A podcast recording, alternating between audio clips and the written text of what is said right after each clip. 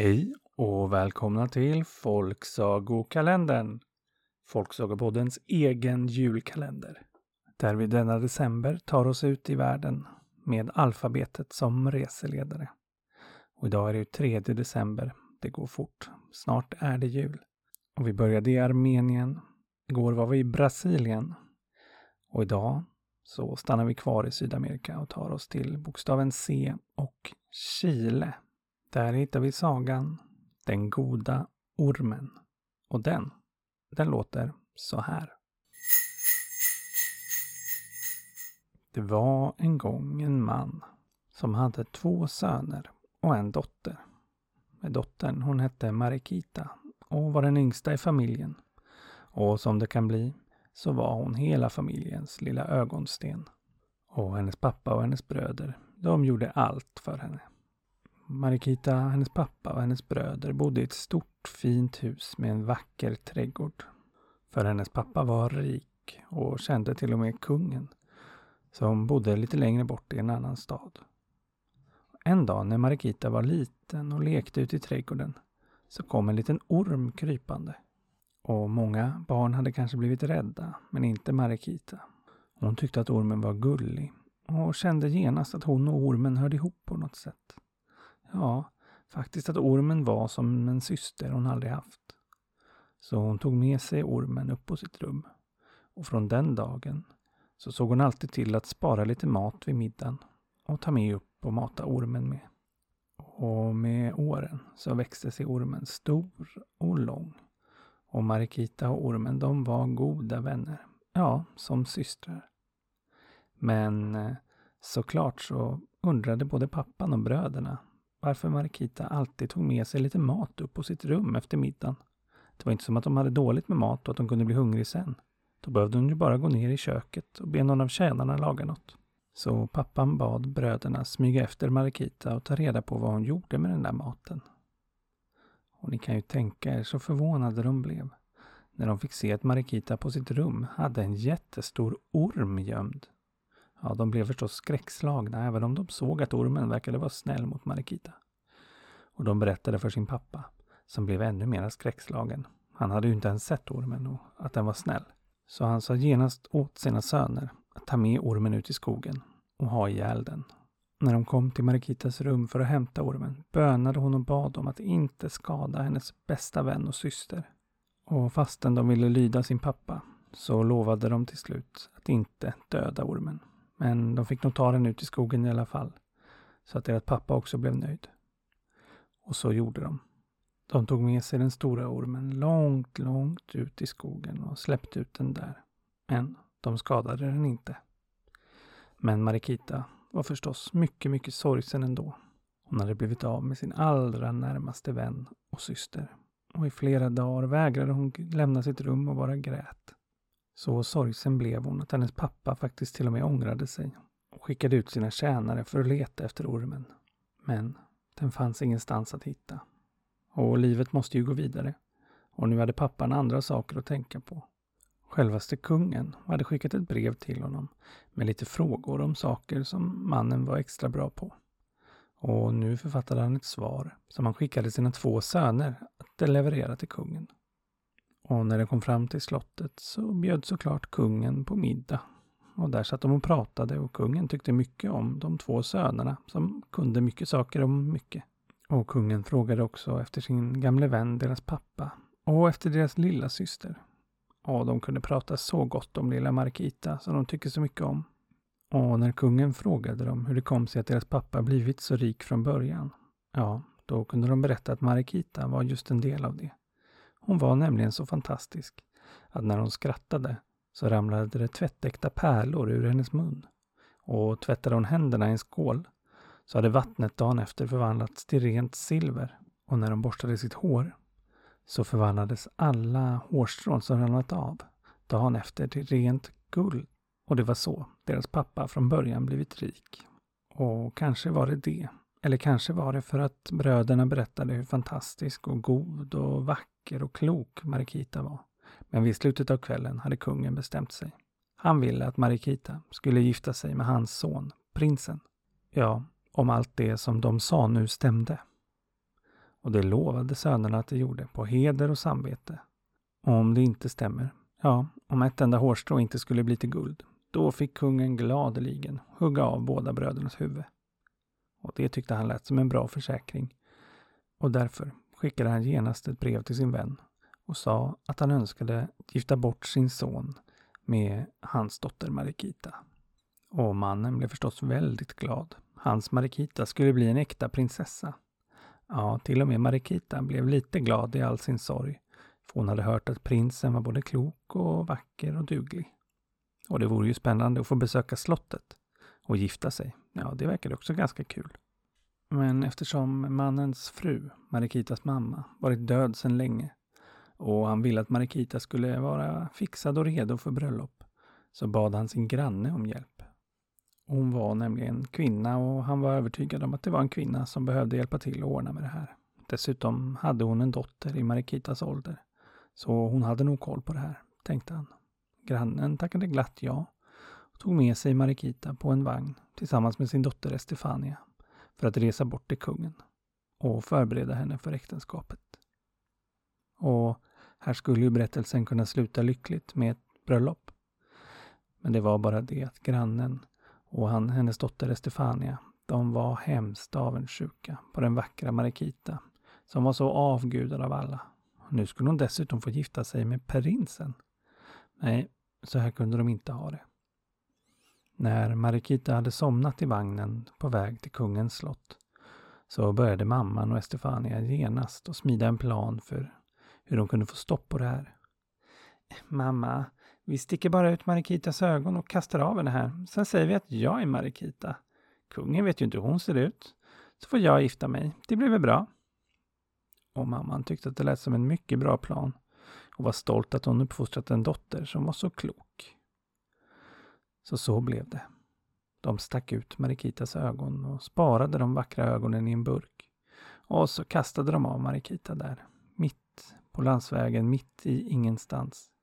I regn och ruskväder. Ja, kan ni tänka er hur hemskt. Nyss hade hon blivit av med sin syster och den lilla glädje hon fått av att bli förlovad, den tog slut. Nu hade hon dessutom inga ögon och var, Gud visste var någonstans. Och vädret, det var hemskt. Det regnade och det var kallt. Och Markita hon bara la sig ner och tänkte, jag får väl dö här då. Men som tur var, så var det en liten man som var på väg genom det dåliga vädret ner till byn för att sälja ved som han släpade på. Och han fick syn på Marikita där på marken. Ja, han behövde sälja veden för att skaffa mat till sina tre döttrar. För de hade inte så mycket pengar och nästan ingen mat alls. Så egentligen var det viktigt att han kom ner till byn med veden. Men när han fick syn på Marikita kunde han inte bara lämna henne där. Så han lämnade veden istället, lyfte upp henne och bar henne tillbaks till stugan där han bodde med sina tre döttrar. Och de två äldsta systrarna, de blev arga när de fick se pappan komma tillbaks utan mat och med en flicka som var väldigt illa tilltygad. Vad ska vi med den där blindstyret till? Hon kommer inte kunna hjälpa till och ingen mat tar du med dig och nu tar du istället med dig en till som behöver mat. Sa de. Och pappan förklarade att han väl inte kunde lämna en stackars flicka så där ute på marken. Hon skulle kunna dö. Det är väl inte vårt problem, sa de. Iväg nu och ställ den där veden och kom inte tillbaks utan mat och tro inte att vi kommer dela med henne. Och den lille mannen sa att ja, ja, hon får väl ta min del av maten då. Och så gav han sig ut i regnet igen. Och de två äldre systrarna, ja, de blev inte trevligare mot Marikita av att pappan gick, tvärtom. Men den yngsta dottern tyckte synd om henne och såg till att få på henne torra kläder och hjälpa henne att värma sig vid elden. Och när den lille mannen kom tillbaks och sålt veden fick hon också lite mat, vilket gjorde henne gott. Ja, hon förstod att hon haft en himla tur i all den här oturen, som hamnat hos en så fin man med en så fin dotter. Ja, de äldre systrarna var förstås inte trevliga, men de var nog dugliga de också, tänkte hon. Och hon ville gärna göra något snällt för familjen som tagit in henne. Så hon bad den yngsta systern att hämta en kruka med vatten åt henne så hon kunde tvätta sina händer. Jaså, är hon för fin för att tvätta sig i floden eller? sa de äldre systrarna som hört vad hon frågat. Den yngre systern suckade och sa hon är ju blind, hon kan ju drunkna i floden förstår ni väl. Det gör väl inget om jag hämtar vatten. Och så gick hon och hämtade lite vatten. Och Marikita tvättade sina händer och så sa hon Spara vattnet till imorgon. Mm, den yngsta systern försökte säga att du behöver inte spara vattnet, jag kan hämta nytt imorgon. Men Marikita, hon var envis och sa ställ dig ut i trädgården och så sparar du tills imorgon, lova mig det. Ja, den yngsta systern, hon lovade. Det var ju mindre jobbigt än att behöva hämta nytt vatten. Så hon bar ut i trädgården och råkade spilla lite på vägen, men ställde ner det där. Och så somnade de. Och morgonen efter, precis när pappan skulle ge sig iväg igen för att samla ved och sälja till mat, så bad Marikita, den yngsta dottern, att hämta skålen med vatten så hon kunde tvätta sina händer igen. Jag såg ni fin i kanten, ska tvätta sig flera gånger om dagen, sa de äldre systrarna. Men både Marikita och den yngsta systern ignorerade det. Och den yngsta systern gick ut i trädgården och fick se att på marken så låg det en bit med silver. Ja, det var vattnet hon hade spilt igår. Och när hon kom fram till krukan fick hon se att den var alldeles full av rent silver. Den var tung nu, så när hon bar in den så gick den sönder och kvar blev bara silvret. Ja, ni kan ju tänka er de äldre systrarnas och pappans miner när de fick se sin lilla syster och dotter komma in med en stor klump med silver. Ja, så förvånade var de att Marikita till och med kunde höra det på dem. Ta med det här och sälj det istället för ved, så kan du nog köpa lite mer mat så det räcker till oss alla, sa Marikita. Och pappan han ville först inte ta emot det, det var för mycket. Men hon insisterade. Och pappan begav sig ner till marknaden och ni kan tänka er att han fick mycket pengar för en så stor klump med silver. Och han kunde köpa gott om mat, så alla fick äta sig mätta. Något de inte gjort på mycket länge. Så det blev en mycket glad kväll i den lilla stugan. Ja, de två äldre systrarna var mycket vänligare nu också, när de fått sig ett ordentligt mål mat. Och en så här trevlig kväll hade Marikita inte haft på mycket länge. Inte sedan innan hennes älskade orm försvann. Ja, för första gången på mycket länge så skrattade hon. Och när hon skrattade så rann det ju pärlor ur hennes mun. Som hon gav till mannen och sa att de här kan du sälja imorgon. Det räcker nog både till mat och kanske lite nya kläder eller saker till huset, sa hon. Men då skrattade en av de äldre systrarna. Ja, fast inte ett elakt skratt och sa om du kunde se Marikita skulle du förstå att det inte får plats så mycket mer saker i det här lilla huset. Men då bad Marikita om hjälp att få borsta håret. Och det fick hon. Sen sa hon till dem att spara alla hårstrån som hade ramlat loss när de borstade det. Och imorgon kanske de kunde ordna det där med huset också. Och mycket riktigt, morgonen efter hade ju hårstråna förvandlats till rent guld. Och nu kunde den lille mannen sälja både pärlorna och guldet och de kunde köpa sig ett större och finare hus. Vilken lycka! Men samtidigt då hade Estefania och hennes mamma kommit fram till slottet. Och som tur var för dem hade Marikitas bröder precis åkt därifrån. Annars hade ju de genast genomskådat bluffen och sett att det inte var Marikita som kommit utan Estefania. Men nu fanns ingen där som kunde säga något och kungen visste ju inte hur Marikita skulle se ut och Estefania var vacker hon också. Så han presenterade henne glatt för sin son, hennes trolovade, prinsen. Och den kvällen åt de middag tillsammans och kungen tyckte att flickan visserligen var ganska vacker och ganska trevlig och verkade helt okej okay klok. Men att bröderna nog måste ha överdrivit. Men kanske hade hon i alla fall de där andra gåvorna. Så han gav henne en skål med vatten att tvätta händerna i. Lät hennes hår borstas och sparade hårstråna. Och så skickade han fram sin allra skickligaste gycklare. Så hon började skratta. Men inga pärlor kom ramlande och nu började kungen bli riktigt misstänksam.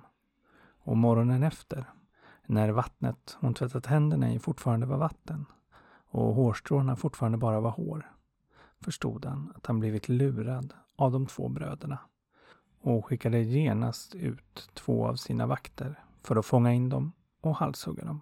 Och så blev det. Men han såg till att de två halshuggna bröderna gömdes undan så att Marikita inte skulle se dem och bli ledsen. Ja, för även om hon inte var fullt så fantastisk som bröderna hade sagt så verkade prinsen nöjd med henne och bröllopet skulle nog ändå bli av. Men vi hoppar tillbaks till Marikita hos den lille mannen med sina tre döttrar. Ja, de hade nu flyttat till ett större och bekvämare hus och hade det ganska gott. Och en dag satt Marikita ute i solen och värmde sig. När en stor orm kom krypande. Och de tre systrarna fick genast panik och började skrika och leta efter något att slå ihjäl ormen med. Men när Marikita förstod vem det var som kom krypande så stoppade hon dem och sa att Gör ingenting, det är min syster som kommer.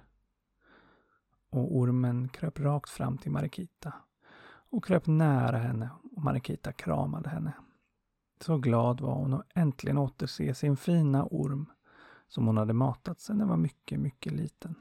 Och ormen, som var mycket klok och nog kunde se sånt som vi andra inte kunde se, förstod genast vad som hade hänt. Det är din granne Stefania som har lurat till sig prinsen som du skulle gifta dig med, sa hon. Och nu sitter hon där i slottet alldeles bortskämd. Och dina ögon, de har hon kvar i en burk. Men du ska nog få tillbaks dem, sa ormen. Och Marikita blev så glad, inte bara över att få tillbaka sin vän, utan över att hon kanske kunde få tillbaka sina ögon också. Skicka den lille mannen till staden. Be honom skaffa sig en vacker bukett och gå förbi slottet och försöka sälja den. Stefania kommer inte kunna motstå den och hon får allt hon pekar på, så bortskämd hon är. Men då ska den lille mannen säga att han bara säljer den för ett par ögon. Och så fick det bli. Den lille mannen begav sig in till staden och köpte den finaste lilla buketten med blommor han kunde hitta. Och så begav han sig bort till slottet där han ställde sig utanför och ropade Buketter, buketter till salu, vackra buketter. Snart klev Estefania ut för att titta vad det var för liv och fick se den lilla buketten som var det vackraste hon sett. Jag måste ha den, sa hon. Och hennes mamma skyndade fram för att fråga vad den kostade. Ja, den kostar ett par ögon, sa den lille mannen, så som ormen sagt att han skulle säga. Ett par ögon, sa Estefania. Jaha, mamma, ta ut hundens ögon bara jag får buketten. Och så blev det. Så mannen begav sig tillbaks till huset där Marikita bodde med döttrarna och nu den stora ormen. Men redan på vägen dit så sa ormen Mannen är på väg tillbaks med ögon, men de är inte dina.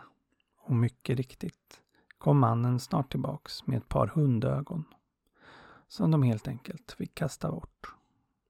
Men dagen efter sa ormen att det var värt att göra ett nytt försök. Så mannen begav sig till staden, köpte en ännu vackrare, alldeles oemotståndlig liten bukett och ställde sig utanför slottet och ropade att buketter var till salu. Stefania skickade återigen ut sin mamma. Mannen förklarade återigen att de kostade ett par ögon. Och den här gången lät Estefania sticka ut ögonen på katten. Och när mannen var på väg hem så sa ormen igen ögon kommer. Men det är kattens och inte dina. Så ännu ett par ögon fick kastas bort. Och mannen fick göra ett försök dagen efter igen.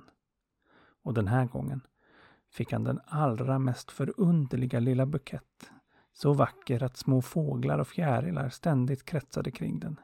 Ja, den riktigt lös. Han hade knappt hunnit börja ropa att den var till salu förrän Stefania stod där. Jag måste ha den! sa hon. Och mannen sa att den kostar ett par ögon. Men nu visste inte Estefania vem hon skulle sticka ut ögonen på. Men då kom mamman plötsligt ihåg. Eh, vi har ju ett par ögon som vi tog från eh, Marikita. Men Estefania sa att de ögonen, det var så länge sedan, de har väl ruttnat. Men mamman plockade fram burken där de lagt dem och fick se att de var minst lika vackra som den dag de hade stuckits ut. Ja, så vackra var de att för en vanlig bukett hade det knappast varit värt att betala med dem. Men det här var ju som sagt en fantastisk bukett. Så mannen fick med sig ögonen i burken. Och Estefania fick sin lilla bukett. Och när han var på väg hem så sa ormen till Marikita. Nu kommer dina ögon tillbaks. Och så var det. De stoppade in ögonen i Marikitas tomma ögonhålor och när ormen slickade henne över ögonen så började de fungera igen och de lös ännu vackrare än innan de blivit utstuckna. Och det blev förstås stor glädje i huset. Och kort därefter gav sig Marikita upp till slottet och där kunde hon bevisa att hon var den äkta Marikita. Och ni kan tänka er så ledsen kungen blev när han fick se vatten bli till silver, hår bli till guld och skratt bli till pärlor. Han hade dödat hennes två bröder helt i onödan. Ja, det var en stor sorg för Marikita som förlorat sina bröder. Men hon fick tröst av sin nya fästman prinsen som genast blivit förälskad i henne. Och Estefania och hennes mamma blev förstås bortjagade långt, långt bort. Och vad jag har hört så fick de ett riktigt fattigt och dåligt liv efter detta. Vilket de kanske förtjänar. Men inte långt därefter blev det bröllop mellan Marikita och prinsen. Och Marikitas pappa var förstås där och mycket glad att återse sin dotter men också mycket ledsen att han förlorat sina två söner. Men både han och Marikita förlät kungen. Och hedersgäst på bröllopet var förstås den stora ormen. Och inte långt därefter så väntade Marikita barn. Och ormen kom till henne och sa Det är tvillingar, två pojkar där i, sa ormen. Bröder precis som dina bröder, sa ormen. Och erbjöd Marikita att få välja. Vill hon ha de två små barnen eller vill hon ha tillbaka sina två bröder i livet? Ja, det var ett mycket svårt val. Men Marikita stannade uppe hela natten och funderade och grät och när morgonen kom hade hon bestämt sig. Jag vill ha tillbaks mina bröder, som jag saknar. Och vips, så blev hennes mage alldeles platt. Och i ett rum i slottet, där kungen gömt undan hennes två bröder, där vaknade de upp, som om ingenting någonsin hade hänt dem. Ja, nu blev det glädje på slottet igen. Prinsessan Marikita hade fått tillbaka sina bröder och alla samlades genast i den stora salen i slottet för en stor fest. Men det var förstås inte bara glädje. Det var sorg också. Att prinsessan inte längre väntade barn. Men under festen hördes plötsligt ett litet gnyende från prinsen och prinsessans sovrum. Och där inne hittades två nyfödda, fullt friska små prinsar. Hon hade fått behålla både sina bröder och sina små barn. Vilken glädje! Marikita förstod att det var hennes syster Ormen som tagit hand om henne så som Marikita tagit hand om ormen en gång i tiden. Och efter den dagen syntes den stora ormen aldrig mera till. Men Marikita, hennes två bröder, hennes man, hennes två små barn, kungen och Marikitas pappa och den lille mannen och hans tre döttrar, ja, de levde alla lyckliga. I alla sina dagar.